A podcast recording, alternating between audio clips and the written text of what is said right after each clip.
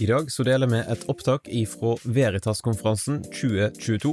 Veritas-konferansen er i hovedsak et samarbeid mellom tre organisasjoner. NLA, Mediehøgskolen Gimlekollen, der Damaris Norge er en randsonevirksomhet, og laget NKSS og Bibelskolen i Grimstad.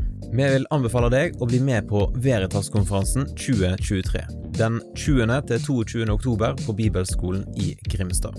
I 2023 så vil hovedtemaet være Fornuft og fantasi arven etter CS Lewis. Sjekk ut veritaskonferansen.no for mer informasjon, og meld deg på i dag.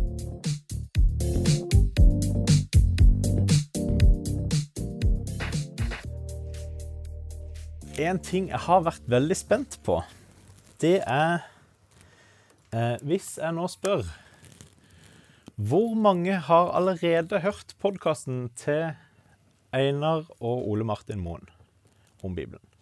Det er godt. Da føler jeg at eh, da, Jeg var litt redd for at alle her hadde liksom hørt alt og var helt oppdatert. Det gikk opp for meg etter hvert at det kunne være. Eh, men det er veldig fint. Har du hørt hele? Nei. Jeg har ikke. Nei, Veldig greit. Eh, Jeg kan jo begynne med å eh, eh, erklære min eh, skyld, eh, og det er jo at eh, jeg har heller ikke hørt hele den siste episoden nå. Den har jeg ikke fått hørt til i dag. Det er veldig synd, for det er Matteusevangeliet. Eh, siste del, så jeg vet ikke hva de kommer til å si om oppstandelsen. Så det Ja, ja. det, det hadde vært veldig gøy å ha, kunne ha det også. Hjertelig velkomne. Da eh, prøver jeg igjen, bare siden det kom noen. Eh, har dere eh, hørt podkasten om Einar og Ole Martin Moen leser Bibelen allerede? Veldig fint. OK. Det er jo da en podkast. Eh, er jo to ateistiske professorer i filosofi leser Bibelen. Og eh, Jeg må eh, også si at eh, nå har jeg fulgt med på denne her en stund. Uh, men jeg har ikke vært forberedt på å lage foredrag om den før egentlig mot slutten. ja, så, så um, jeg har ikke fått reflektert og tygd alt fra Gamle testamentet. Men så har jeg fått mer evne til det de siste mange episodene som har gått på Matteus evangeliet. Men det er en eh, eh, ganske populær podkast. Det er over 3000 lyttere i uka. Eh, og eh, det er forholdsvis unge eh, professorer i filosofi. Eh, de er eh, 37 og eh, 45 år. Og i professorverden så synes jeg det er ikke, det er ikke så gammelt. Um, og ehm, det de gjør, er da å sette seg ned og lese Bibelen. Eh, det som podkasten ikke går ut på, det er å høre de lese Bibelen. Men de tar opp ting fra Bibelen Støtter stadig. Eh, jeg skal først si litt om hvem eh, Einar Bøhn og Ole Martin er. Jeg kan jo begynne med å si at eh, eh, jeg har jo sjøl hatt Einar som veileder på min masteroppgave i filosofi, så han kjenner jeg ganske godt. Eh, Ole Martin har jeg eh, ingen personlig kjennskap til, men jeg hadde hørt en del om han før jeg eh, hørte denne eh, podkasten. Eh, Einar han er professor i filosofi. Han har spesialisert seg særlig på det som kalles for metafysikk. Hva er det egentlig som eksisterer? Eh, og religionsfilosofi, som da er filosofi rundt religion. Eh, han har allerede debattert en god del kristne. Eh, F.eks. Bjørnar Davidsen, som vi så på scenen i stad. Peter S. Williams, som også har foredrag her i, i dag. Og Atle Ottesen Søvik også. Eh, han vil uh, sjøl si at han er en agnostiker. Uh, han vil kanskje til og med finne på å si at han er en transhumanist. Men uh, felles for begge disse her to det er at de liker egentlig ikke merkelapper. Ja. Fordi merkelapper de handler ofte om konklusjoner. Men de ønsker å være åpne i sine konklusjoner. Så selv om eh, Einar på mange måter snakker veldig positivt om transhumanisme, altså eh, at vi kan gjøre menneskeheten bedre via teknologi,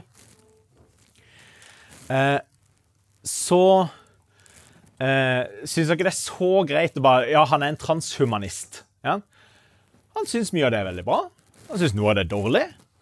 Og ehm, det, det, gjelder ofte altså Så fort du putter en merkelapp på eh, en av disse, så vil de si både for og mot og eh, i det store og hele. Eh, ja, han, han, har også forska ganske mye på det som er artificial intelligence, eller kunstig intelligens. Eh, jeg tok et fag med, eh, der hun snakka om kunstig intelligens, eh, og det var utrolig eh, Altså, det var veldig på linje med veldig mye av det jeg tenker. Eh, som jeg kanskje ikke hadde forventa. Eh, og det, det, er bra. Så driver han en del med podkaster. Han liker å lese. Eh, så han har én eh, podkast som heter 'Kristoffer og Einar leser Nietzsche'. Eh, det er da Kristoffer Skau, for de som vet hvem eh, han er. Igjen ikke kristne eh, typer som eh, leser Nietzsche. Eh, veldig interessant å høre hvilke perspektiver de har. Eh, hva de tar avstand til, og hva de eh, omfavner. Eh, den har jeg hørt igjennom. så har han en podkast nå som heter Lars og Einar leser Kirkegård. Ja. Eh, den har jeg dessverre ikke rukket å begynne på, for det tar tid. Eh, men det er da Lars eh, Berrum, for de som vet hvem det er. Så har han en generell podkast, som er Einar Duenger Bøhns filosofipod. Der hvor han møter forskjellige folk som er kompetente på forskjellige områder. Gjerne én bok eller et eller annet sånt. Eh, der hvor han da har møtt Ole Martin Moen, eh, og der, der snakker de om volusspå. Så da er det norrøn mytologi som er eh, det eh, Ole Martin Moen møter opp i den podkasten med, da. Og så er det denne her. Einar og Martin, eh, Ole Martin Moen Nei, Ole Martin og Einar leser Bibelen. Eh, Ole Martin Moen han er professor i filosofi med særlig fokus på etikk. Eh, og her har jeg nevnt at han er polyamorøs og engasjert i LHBT-perspektiver. Eh, det eh, kunne noen kanskje tenkt. Det er kanskje ikke så nødvendig å nevne, men det kommer veldig ofte, eller det kommer nokså ofte opp i podkasten at det her er relevant. Så Derfor så tenker jeg det er greit å trekke det fram. Eh, og Hjertelig velkommen. Og um, han eh, Igjen, han, han, eh, når han blir utfordra på det, så vil han ikke bruke merkelappene. Men eh, i sine konklusjoner per i dag så er det ganske beskrivende å si at han er en hedonistisk utilitarist. Altså Utilitarisme det handler om konsekvenser, eh, etikk i konsekvenser. Man ser på hvilke konsekvenser får det. Så kan man eh, avgjøre om det er rett og galt. Hedonisme det handler om at det er lykke som er en av de styrende eh, faktorene til hvordan vi avgjør hva som er rett og galt. Så hvis det bringer veldig mye lykke, veldig bra. Hvis det ikke bringer så mye lykke, veldig dumt. Eh, hvis det bringer ulykke, veldig dumt. Ja. Eh, jeg skal ikke gå så dypt inn i dette, så jeg bare fort bare kaster meg over eh, hva, hva er det Litt sånn så vi får litt overblikk av hvem er det egentlig vi snakker om her. Så er spørsmålet hva er dette prosjektet de driver med, da? Når de leser Bibelen. Eh, de leser Bibelen fra perm til perm.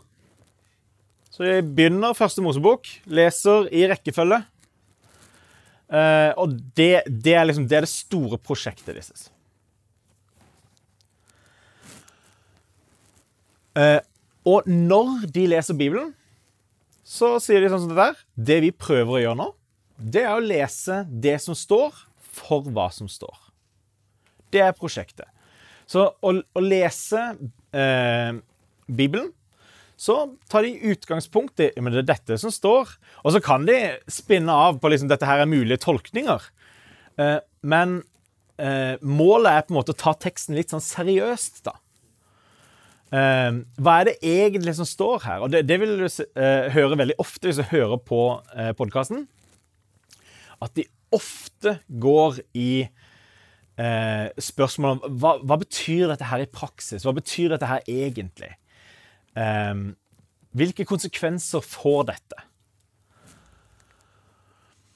Uh, og de bruker sin filosofiske bakgrunn veldig aktivt i sin lesning. Uh, dette her er jo informerte mennesker på mange måter. Altså, de er jo professor i filosofi. De har forstått veldig mye om generelt hvordan mange tenker. Ja. Uh, men det er veldig viktig for meg å understreke at dette er ikke teologer. Ja. Og det er de, det er de nøye på sjøl også. Ja? De er ikke teologer. De, er, de, driver ikke med bibelvitenskap. Det de gjør, det er å lese en tekst, se hva sier teksten, og så prøver de å forholde seg til den teksten på en åpen og, og god måte. Det, det, er et godt og sunt prosjekt. Eh, og det, det, kommer veldig mange ganger fram at de ikke er teologer, så det vil være en liksom tromme som går igjennom eh, når jeg eh, kommer til å snakke her i dag. Eh, og eh, de kan finne på å si at det er en veldig bra ting. Ja? De er ikke teologer. Eh, så de er ikke lukka i på en måte det man må tro når man er teologer.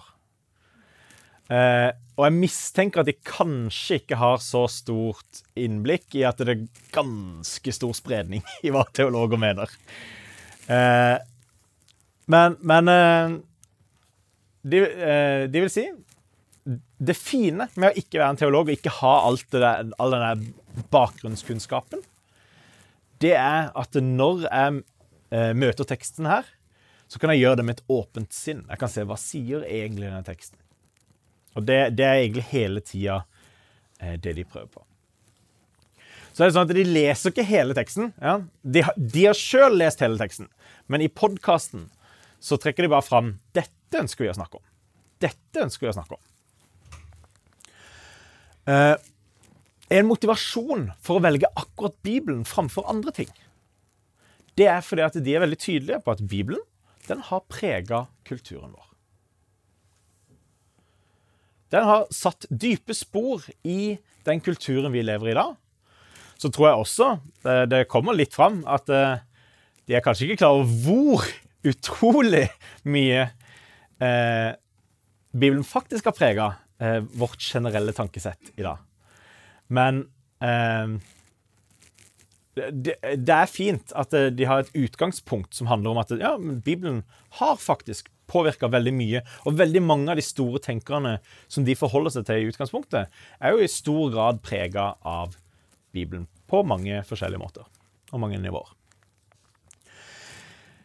Tidvis gjennom denne eh, podkasten så er det utrolig spennende å høre hva slags tanker de har. Eh, de kommer fra et tydelig ateistisk perspektiv. Eh, de kommer fra et filosofisk perspektiv. Eh, og de prøver å, å, møte liksom OK, denne teksten, hva, hva tenker vi om den? Det kan noen ganger være utrolig spennende. Jeg vil si ofte til og med er det ganske spennende. Tidvis kan det også være utrolig frustrerende.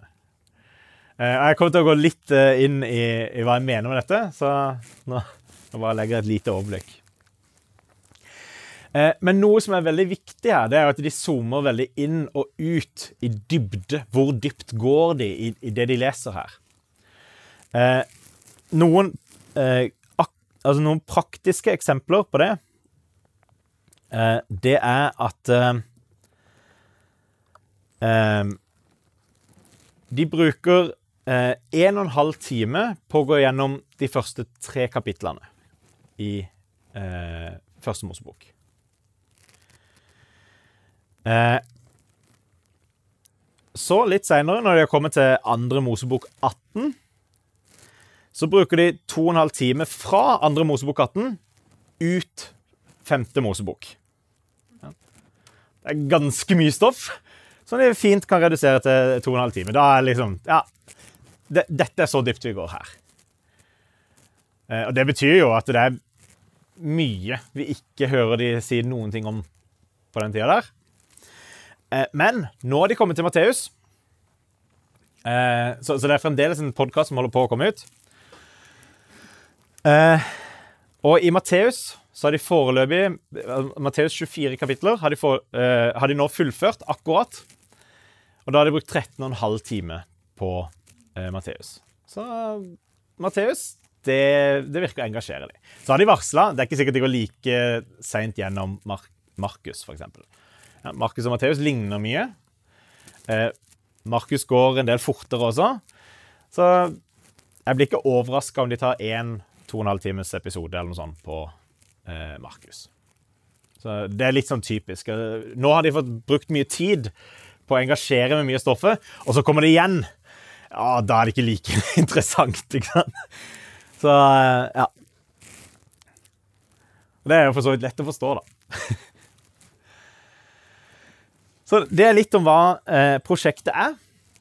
Eh, en av de tingene jeg legger veldig godt merke til eh, når eh, de leser For jeg, er ungdomsarbeider til vanlig, så jeg er vant med å forholde meg til ungdom. Eh, det er noen veldig tydelige skiller mellom ungdom i dag og disse eh, professorene. Eh, de er vokst opp i en kristen tid. Og altså, Vi kan godt drøfte hva i alle dager, men, men eksempel, begge to har gått på søndagsskole. Ja. Ikke vært kristne, men de har gått på søndagsskole. Eh, de har mange av historiene, særlig om Jesus, litt sånn på innsida. Eh, det betyr at eh, når de leser i første Mosebok, andre Mosebok, så kan det hende at de bare refererer Ja, det var jo sånn Jesus gjorde. Ja? Så de har noe av dette som, bare Ja, de, de, har bare lært det. Plutselig på et eller annet tidspunkt så, så viser de ja, det kan Fader vår. Ja? Den ligger bare der. Og De har ikke sagt den på mange, mange, mange, mange, mange, mange, mange, mange år. Men det ligger i.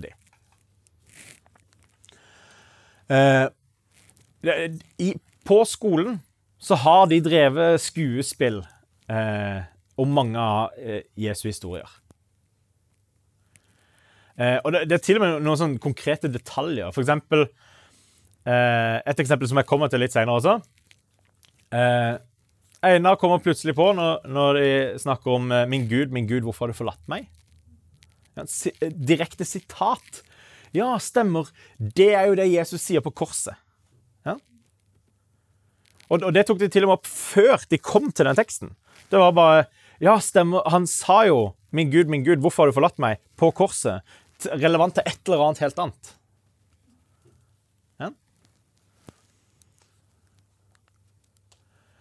Og de har veldig mange begreper fra Bibelen som de har hørt, som de kjenner, eh, som ungdom i dag ikke kjenner. Ja. Eh, oi. Skriften på veggen. Ja. Ramaskrik. Å kaste perler for svin. Ja. Masse sånne begreper som de skjønner hva betyr, som unge i dag kan finne på å ha hørt, men kanskje ikke har noen som helst idé om hva det betyr. Ofte har de ikke engang hørt det. Um, og sånn som uh, uh, det å være i løvehulen. Det er sånn, det har de hørt, og det, det, sitter, men de bruker ganske lang tid på å diskutere hva i alle dager betyr det egentlig. Ja. Og da er det jo særlig nettopp når det kommer til Daniel i løvehulen. Så lurer de på men hva betyr det egentlig. Og eh, Hvis jeg husker rett, så, så, tror jeg egentlig ikke de engang fall, endte med å konkludere med, med det jeg forstår i, i begrepet, som handler litt om å stå i en situasjon hvor du er omringa av eh, ja, uvennskapeligheter, eller fiender kanskje, til og med. Um, så skal det sies at uh, i og med at jeg sjøl strengt tatt ikke er vokst opp kristen, så kan jeg også ha bomma på en del av disse uh, begrepene. Så, så, eh, men så, så, så Reptas krukke, den utømmelige kilden til mat, bruker de opptil flere ganger som liksom illustrasjon på noe.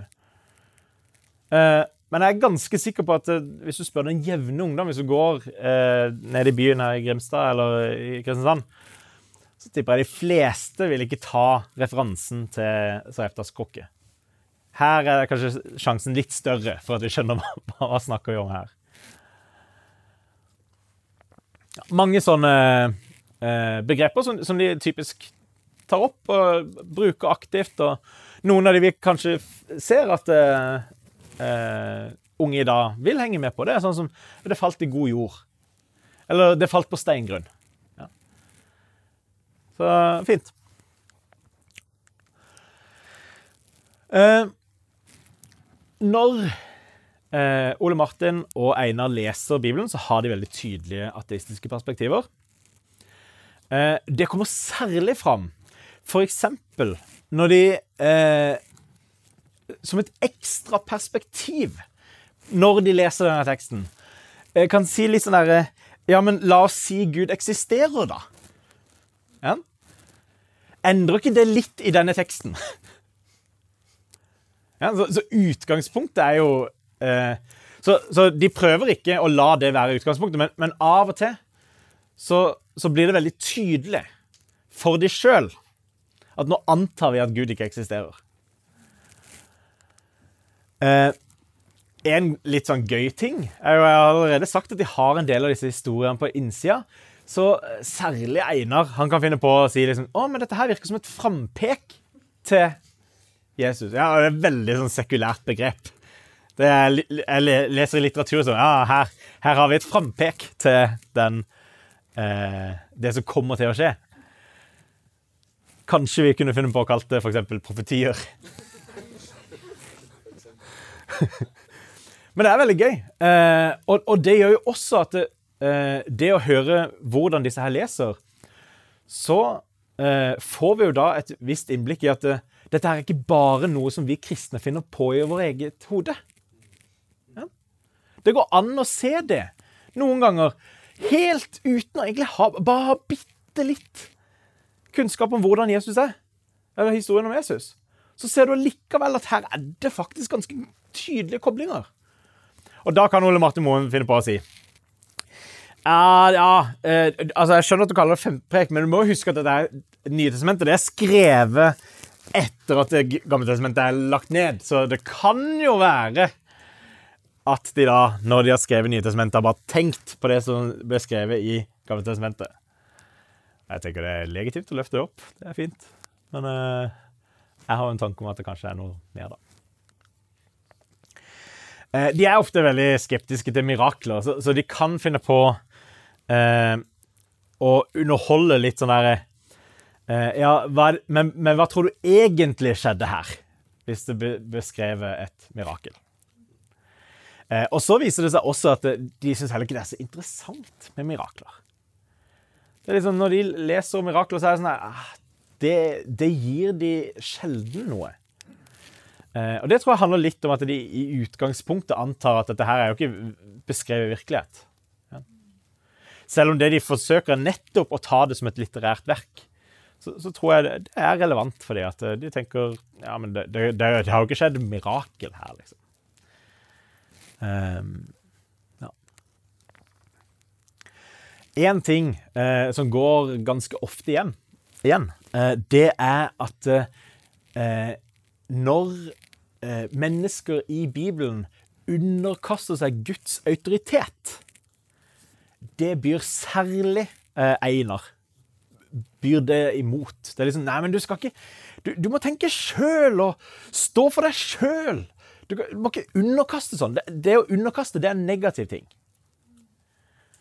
Og så hender det av og til at de da trekker fram Jo, men, men hvis Gud er den øverste gode autoritet, så gir det jo kanskje mening å underkaste seg den, da.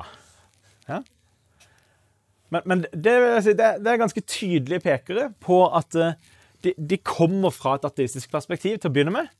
Der Gud ikke eksisterer, ikke er eh, naturlig det ene gode. Men, men, de forstår ideen om Gud. Og det er jo fordelen med at det, altså det er jo religionsfilosofer og aktive i gudsdebatten og, og sånn.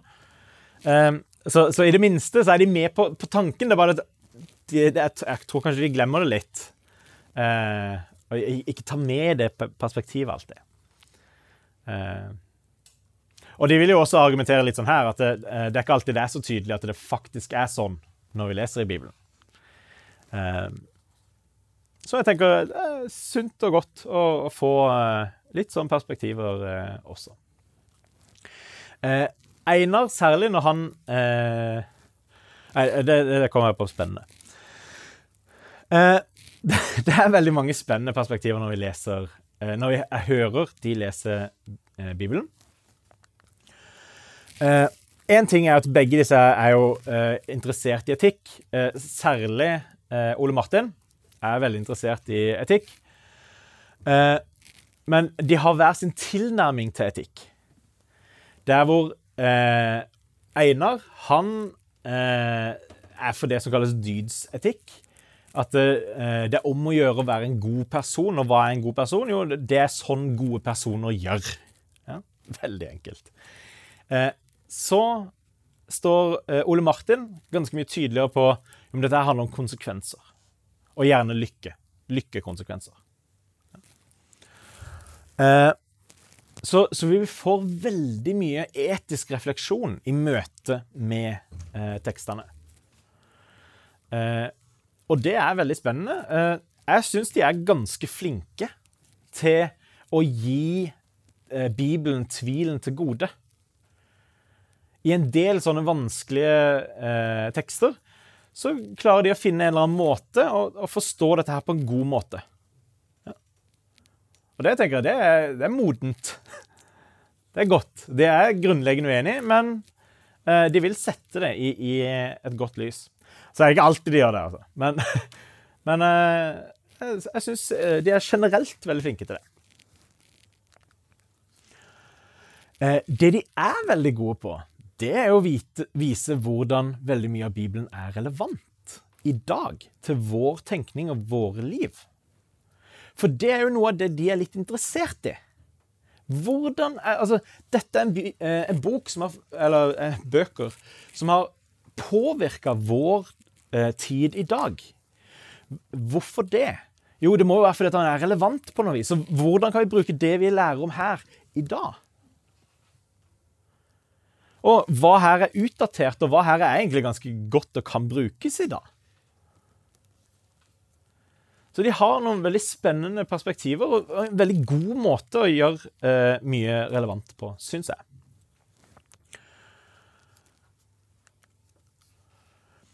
Eh, og noe av det som er veldig spennende, er at de har en genuin interesse, en ekte interesse, av å forstå hva er det eh, teksten her sier? Hva betyr han? Eh, og hvilke konsekvenser får det? Så vil jeg si, Det er ikke alltid de treffer på det, men de har den interessen. De ønsker å forstå den teksten. Eh, og noen ganger så får du ganske ja, eh, kreative forståelser, da. Eh, det er de sjøl innforstått med også. Ja? Og de, de, kan finne på å si litt sånn her jo, men det er nettopp fordi vi er frie fra eh, teologisk tradisjon og sånn, at vi ser denne her muligheten. Ja. Uh, og en, to vips, så kan det være sånn at det å ha et familiemåltid, det er plutselig en peker mot incest. Det, det, altså, det er ikke så ofte sånn skjer, da. Det, det må jeg si. Men, men, men, eh, når det skjedde, så satt jeg litt sånn her hva, hva er det som skjer her nå? Ja, og, og, um, han argumenterte til og med med en eller annen linje om at uh, de var glad i hverandre, eller noe sånt. Altså Ja. Uh, så, så, det hender de går ordentlig på bærtur. Uh, men ofte så gjør de ikke det.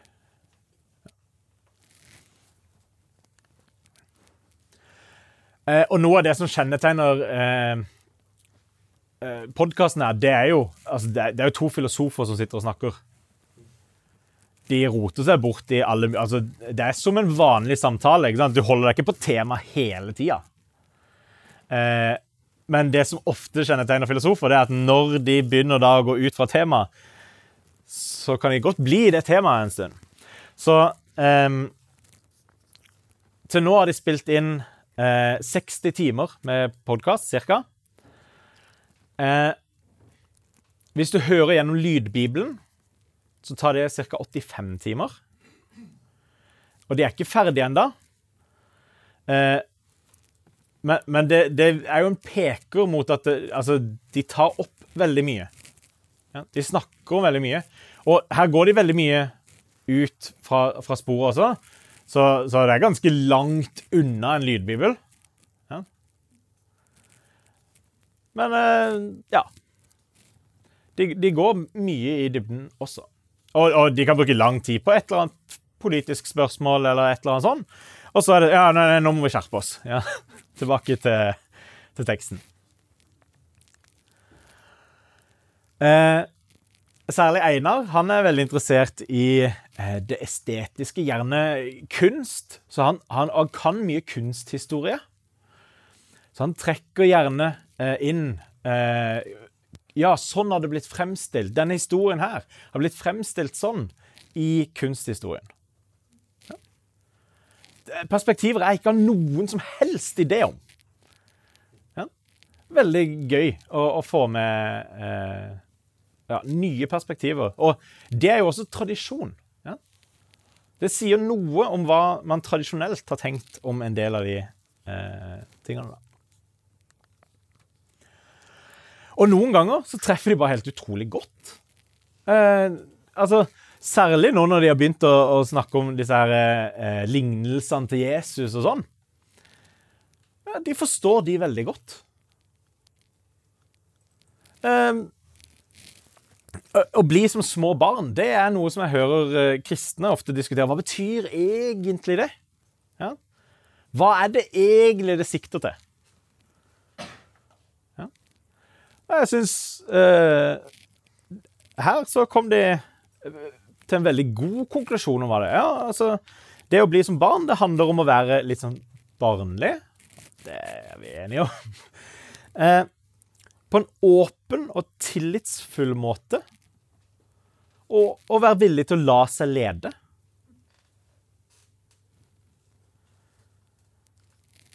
Og så sier de litt sånn her og, eh, Det å la seg lede, det, det blir jo Einar litt sånn skeptisk til. Ja, ja.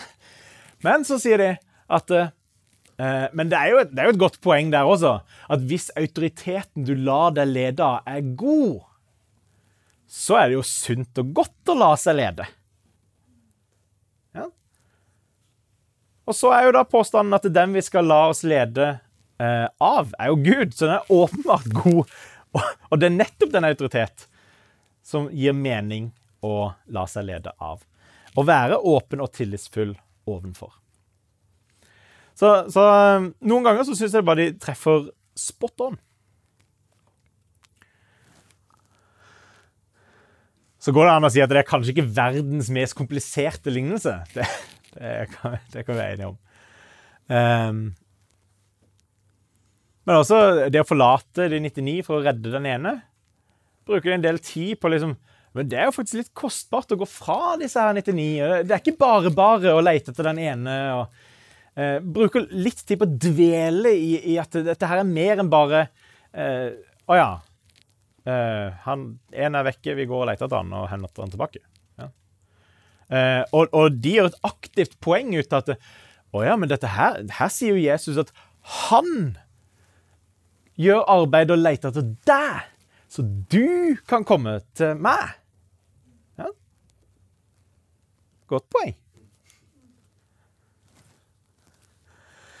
Eh, Einar er også veldig interessert i eh, slektsleddene i, eh, når vi leser gjennom Gamle testamentet. Eh, det er ikke så mange jeg kjenner som er veldig interessert i de. Eh, men han, han syns det er litt gøy. Eh, og det gjør at han oppdager en del ut av sin egen, sine egne refleksjoner. For eksempel et stykke uti her. Eh, og han, han, har ganske mange gøye ting der, egentlig. Så, så, det er verdt å høre på, på hva han har å si om eh, slektslederen. Men et lite stykke uti eh, Mosebøkene så trekker han fram Det er litt interessant. Eh, vi går litt fort gjennom en del av disse leddene, og så kommer vi til én historie. Og Så går vi litt dypere inn i den historien, og så viser det seg at uh, her er det et eller annet. ikke sant? Uh, kanskje han får noen barn der, og så har han et kjærlighetsforhold der. og så, så, kommer det barn ut av den relasjonen. Og så ser vi at uh, slektslederne de følger kjærlighetsrelasjonen hver gang. Det er jo litt interessant. For eksempel. Ting som jeg, og jeg, jeg har strengt tatt ikke kontrollert det.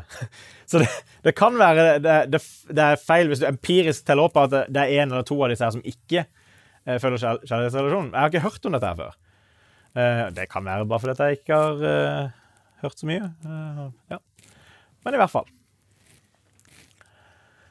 Eh, og noe av det som ofte kommer igjen, det er sånne små ordstudier. Ja. Hva betyr egentlig dette her ordet her? Eh, det har jo noe å si hva dette her ordet er. Og en ting som er litt gøy, det er jo at uh, uh, Ole Martin han har faktisk lært seg gresk underveis for å møte Nytestamentet på en bedre måte. Ja? Og Det sier litt om dedikasjonen her. Altså, de de syns dette her er interessant og godt. Og, og de vil faktisk bruke tid og energi på det.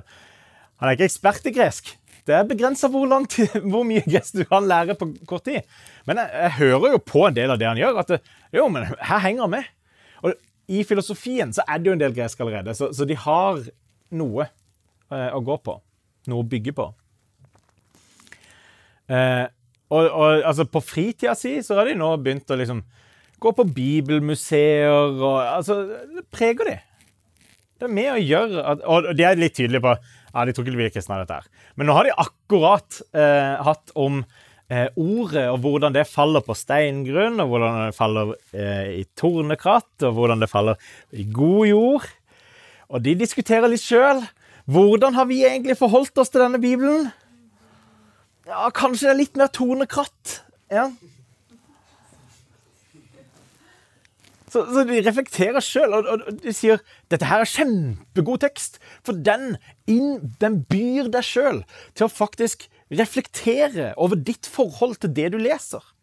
Og det du tar i deg. Og så sier de eh, ordet som Jesus bruker her, det er jo logos. Så det er ikke bare hva du leser, det er liksom, det er hele tankesystemene og alt. og Dette her er jo enda mer interessant, ikke sant? Og så er de helt med. Så det er noe gull her også. Det er godt å kunne lære av noen som er dypt uenig. Og særlig eh, altså logos. Det er jo en sånn ting som de eh, typisk er litt sånn sensitive på. Når de leser om ordet, så Er, er, det, eh, er det logos som står her, egentlig? Og så slår de det opp. Eller når vi snakker om tro, tro har de brukt veldig mye tid på. Hva i alle dager er tro? Og så skiller de på Jo, men det er viktig her om det står doxa, eller om det står pistis, eller om det står et eller annet helt annet. Og for de som ikke henger med på det, så er det helt greit. Men, men for de som henger med på det, så ser vi at de har faktisk en genuin interesse av Hva er det egentlig som sies her? Det er jo tidvis frustrerende å høre på, på to filosofer som da virkelig ikke er teologer. Ja. Eh, det jeg ikke prøver å si, det er at man må være teolog for å forstå Bibelen. Ja. Men eh, det er greit noen ganger å ha med litt teologisk bakgrunn. Jeg skulle ønske at i denne podkasten så satt det en filosofisk bevisst teolog i bakgrunnen. Og bare av og til Du, har dere lagt merke til? Eller har dere tenkt på? Bare, bare sånn små kaste ut. Så tipper jeg de hadde vært helt med med en gang. Noen ganger så lar de helt sentrale ting eh, gå hus forbi. Jeg nevnte f.eks. at uh, de hadde uh, De hadde allerede, når de leste Mosebøkene, begynt å snakke om 'Min Gud, min Gud, hvorfor har du forlatt meg?' Så kommer de til Salme 22. Så nevner de ja, her er det sitatet. Min Gud, min Gud, hvorfor har du forlatt meg? Og så sier de Men det var ikke noe annet interessant her. Vi går videre. Og så hopper de over. De, de, har tydeligvis ikke kobla referanse til korsfestelsen.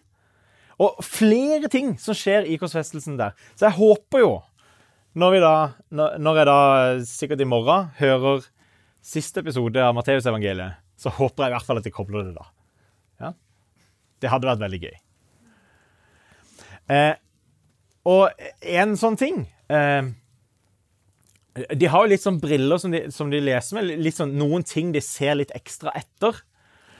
Eh, og eh, Bøhn, eh, Einar, han har litt sånn aktivt eh, prøvd å finne ut Når introduserer de egentlig denne her guden med navn? Altså, når er det de sier at dette her er eh, Dette er Jehova som han leter etter.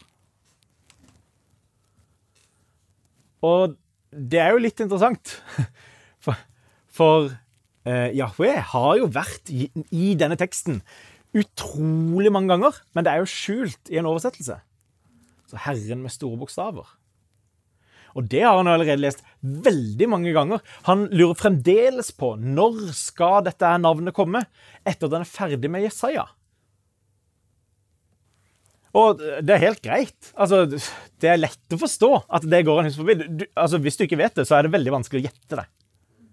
Og sånn som eh, tempel, eh, altså tempeltematikk, alt som har med, med tempel og sånn, det eh, jeg, tror, jeg, tror, ikke de har fått med seg noen verdens ting av det. Og det, det, tenker jeg, det er helt greit. Ja, det, det, er lett å forstå at man, ting går en hus forbi. Eh, men det forklarer også hvorfor de lett går eh, Første Mosebok 2, Femte Mosebok fiks ferdig. ja.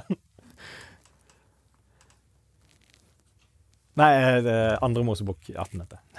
Til femte Mosebok. Ja, det er ikke noe interessant der. Det er sånn der, De bygger noen tempel og noe greier. og så er det noen lover og noe greier. Altså Ja. Noen ganger så er de også utrolig, utrolig nærme på noe sånn veldig godt materiale. Eh, og, og det, det, mest frustrerende eksempelet på det, det er eh, når de eh, leser om Moses og den brennende busken. Ja. Og de er så glad i det svaret som, Jesus, nei, som Gud gir. 'Jeg er den jeg er'. Ja, de bruker kjempelang tid på å utgreie hvordan dette her egentlig på mange måter betyr liksom grunnlaget på, på eksistensen i hele verden og Ja, altså Skikkelig utgreier, liksom. Og bruker lang tid. Og så forkaster de det som sånn, sånn, filosofisk dilldall som de driver med, som bare de forstår ut av teksten fordi de er filosofer. Det er litt frustrerende. Her har de brukt lang tid og ordentlig liksom ha dybden i Yahweh. Og så vet de det ikke sjøl engang. Og han eh, Einar leter fremdeles etter navnet. Ja, men, men når jeg, jeg leste teksten rett før jeg gikk inn her i dag, så bare for, bare for å være helt sikker ja. Og eh, Yahweh, det er jo ikke 'jeg er', men 'han er' Så sikter til 'jeg er'. Så når eh, Moses blir bedt om å da gå ut og fortelle navnet, så river eh, Einar seg Ikke bokstavelig, men i hvert fall Han river seg i håret av her hadde han den perfekte mulighet til å si navnet sitt, og så gjør han det ikke. Så blir det bare sånn generell 'Herren sender deg'. Og det er jo lett å forstå at det er frustrerende når du ikke vet at Herren er nettopp Yahweh. Så da har han sagt Og han er kjempefrustrert og bruker lang tid. Og, og de, altså det blir en rant av dette her. Så de er utrolig nære. Altså, så får de bare ikke med seg. Det samme med frempek. Det er mange ganger de snakker om disse frempekene. Å, det er gøy frempek. Ja. Og så forkaster de det selvfølgelig ikke frempek, da. Det, det, går ikke. Altså, nei, hallo. Ja. Oi, dette her er nesten som om jeg skulle lese om Jesus. Ja, ja. ja. Det er kjempegøy. Og eh, det er jo litt gøy når de da kommer til høysangen, så blir de litt sånn derre Ja, eh, en kan jo forstå dette her litt sånn seksuelt. Men, men så har de også en teori om at grunnen til at høysangen har eh, holdt seg i Bibelen, er nettopp fordi at teologene som har hatt ansvaret og videreformidla tradisjonen, de har bare ikke skjønt de referansene her. Ja. Det, altså, det, det, er jo litt gøy. Men, men eh, det sier også en del om hva de tenker om teologene, da. Eller om ekspertene, om de som har ledet opp gjennom kirkehistorien. Og Noen ganger så eh, gjør kunnskapshull at poeng brukes veldig lang tid på. For eksempel, eh, noe av det siste som var, at eh, de brukte ganske lang tid på hvem var han der Elia nå igjen. Og så ja, konkluderer de egentlig med, etter å ha slått opp i bak, For de har studiebibel, selvfølgelig. Så slår de opp, og så ja, ja, Elia var han der profeten. Ja, Det var sikkert ikke en stor profet. Det hadde sikkert ikke så mye å si. Ja, så har de brukt ganske mye tid på Elia og Baal og hvordan de, disse her Men, men de, de har bare glemt det. Og det er jo lett å forstå. Det er veldig, veldig mange personer. Men eh, ja. Eh, de har litt vanskelig for å forstå en del av referansene, f.eks. Jesus som brudgom. Der kommer de egentlig til konklusjonen at dette handler jo selvfølgelig ikke om noe forhold. Det handler om en stor fest. Det må være festen som er poenget her. Eh, og det kan jo være at det endrer seg litt sånn etter hvert, når, når det blir mer og mer brukt. da. Menneskesønnen, det skjønner de ikke i det hele tatt. Ja, og det slår de også opp. Jo, og så ser de å ja, men det er en referanse til Daniels bok. Og så sier de ja, men det er sikkert bare sånn teologer sier.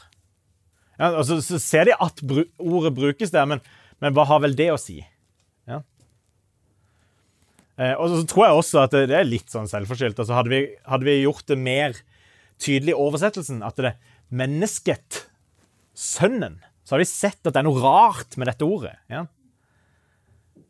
For, for, i grunnteksten så er det mennesket sønnen. Ja. Så, så, så, da ser vi med en gang at det er egentlig litt rart. Ja. Eh, jeg skal gå litt kjapt. Eh, Einar anbefaler noen bøker.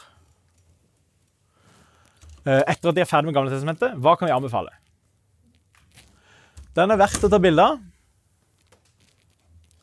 Eh, hvis du ønsker å eh, lese liksom hans highlights. Da sier han at eh, dette er skåret ned til beinet. Ja, det er det absolutt essensielle. Eh, og eh, dommeren det, sier han, det er det som handler om Gideon. Eh, Samuelsbøkene det er det som handler om David. Og Ole Martin Moen har gjort det litt mer strukturelt.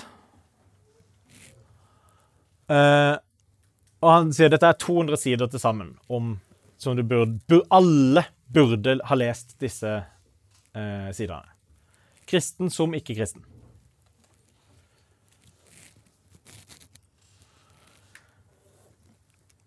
Og da var det det jeg hadde å avslutte med i dag.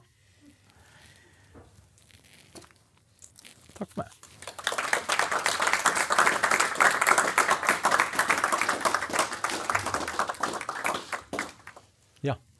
Veldig interessant. For oss som ikke orker å sitte og høre ja. timevis på podkaster, kan ja. du anbefale én av dem som den beste? Eh, jeg ville sagt eh, enten den første, som det handler om skapelse, eh, eller eh, eh, Bergprekenen. Det er også veldig interessant å høre hva de har å si om bergprekenen. Og de er utrolig positive til Jesus som etisk eh, person. De har noen sånne her Ja, det er litt rart. Ja, de to. Ja. ja. Eh, når de er liksom positive til Jesus som en morallærer, ja. anerkjenner de at han da per deres syn er jo en løgner, siden han går rundt og kaller seg selv på ny? Nei, det tror jeg ikke de har brukt veldig mye tid på. Ja. Så vi er enige med C.S. Lewis her, men uh, de, de, jeg tror ikke de har brukt veldig mye tid på eventuelt uh, bli utfordra på det. da. Men, men det, det, de vil si, er liksom sånn ja, du finner kjempemye god moral, så bra. Ja. Uh, så, så vil de ikke si 'derfor så må han være Gud'. Og så sier han, Hvis han da påstår å være Gud, ja, ja, så sier han noe spinnvilt nå, da. Men, men uh, han sier i hvert fall noe etisk godt der. Så det er lov å være litt inkonsekvent av og til. Og så kan vi få lov til å peke på det.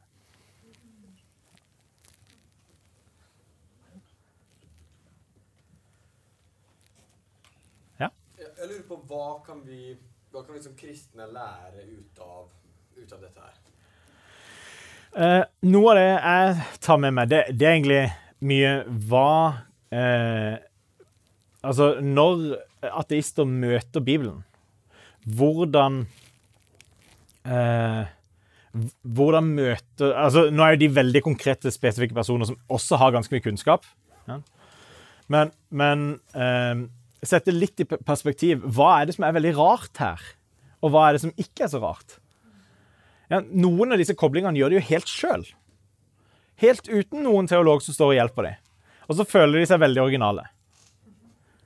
Det, det er fint, det, altså. Eh, og, og så andre ganger så eh, klarer de bare ikke å møte teksten i det hele tatt. Ja. Det er bare ikke Det er kjempevanskelig for dem. Det, og det, det er greit å, å vite, tenker jeg. Eh, og sånn som når de anbefaler dette her, det burde alle lese, så er det fordi de mener det er godt materiale. Det er filosofisk eh, godt materiale. Her vi historien, sånn at vi får med oss en del av historien her. Um, profetier, hvordan fungerer de? Og begge to er enige om at Jonah det er liksom en av de mer, mer interessante småprofetene. Der har vi mye å lære. Og de har veldig sansen for høysangen. Ja. Ja, eh, jeg lurte på, eh, Vet du hvorfor de har penger ikke kunne teologi på forhånd? Har det sånn mål, mål om at det skal liksom ha en autonom tolkning? Jeg tror på at de kunne informere de litt bra, og så kan de heller ta selvstendig stilling til det etter å være blitt informert. Ja. Men jeg Så, så poenget der er å møte teksten for det teksten er. Eh, og det er litt vanskelig hvis du har veldig mye teologisk bagasje. Og så er det litt lettere hvis du har mindre. Og de har jo noe, men, men møte fra det, det sted, stedet de er, da. Eh,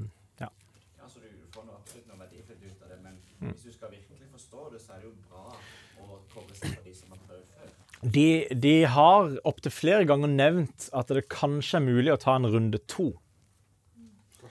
Fordi det hadde, det hadde vært veldig godt. Én, å ha lest igjennom Bibelen, og så lese igjennom på nytt.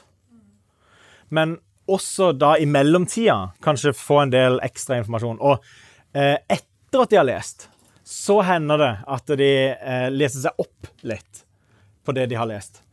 Eh, sånn at de også får litt eh, Så det hender de av og til sier Ja, jeg sa sånn. Eh, jeg, jeg vil gjerne modifisere det litt. Ja, det skjer. Ja, men, men det er jo studert filosofi selv, så det er ofte en dyd filosofi å bare liksom komme til teksten, Mm. ta den som en tekst, Ja. ikke liksom som skille det fra idéhistorie. Mm. Jeg skal lese Matteusevangeliet med noen som er kristne. Ja. Hva var det du oppfatta de syntes på en måte var vanskeligst? i Oh. Matteus? Um, altså, det, er jo det å sette Herren høyt, da, spesielt for, uh, for disse. Um, og så er det at de syns ikke mirakler er noe interessant. Um, men jeg ville anbefalt da å bruke Bible Project. Uh, det, er det jeg kanskje skulle ønske Hvis, de hadde Bible, hørt Bible Project ved siden av, enten før eller etter hver bok, så tror jeg det hadde løfta betraktelig. Ja. Så det er konkret tips. OK. Da tror jeg vi skulle takke av, takke for lengst. Så eh, kos dere masse.